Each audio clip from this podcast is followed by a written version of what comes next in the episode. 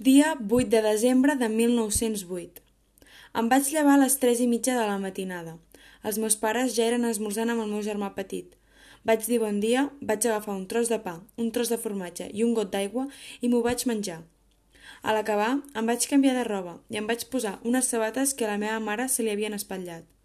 Seguidament vaig sortir de casa per anar a la fàbrica. A les 4 ja era davant les portes per començar la meva jornada, que aquell dia era només de 14 hores. Vaig pujar a la meva planta i em vaig situar davant el taler de sempre. A la meva dreta hi tenia un home d'uns 50 anys i a l'esquerra un nen de l'edat del meu germà, sense sabates. Estava esgotada i només eren les 6 del matí. A les 7, el nen del meu costat va tenir un accident.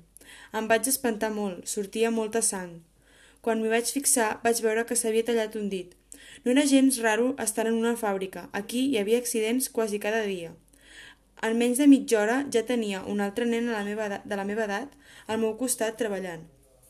A les 9 vam fer una parada de mitja hora per esmorzar. Jo només portava un tros de pa, però estava boníssim. A les dues ens van deixar anar a dinar. Per dinar vaig menjar un estofat de cigrons i un got d'aigua. Una hora després ja tornava a ser a la fàbrica. La tarda va passar lenta, però per fi eren les set i mitja, l'hora de plegar. A aquella hora entrava a treballar el meu pare.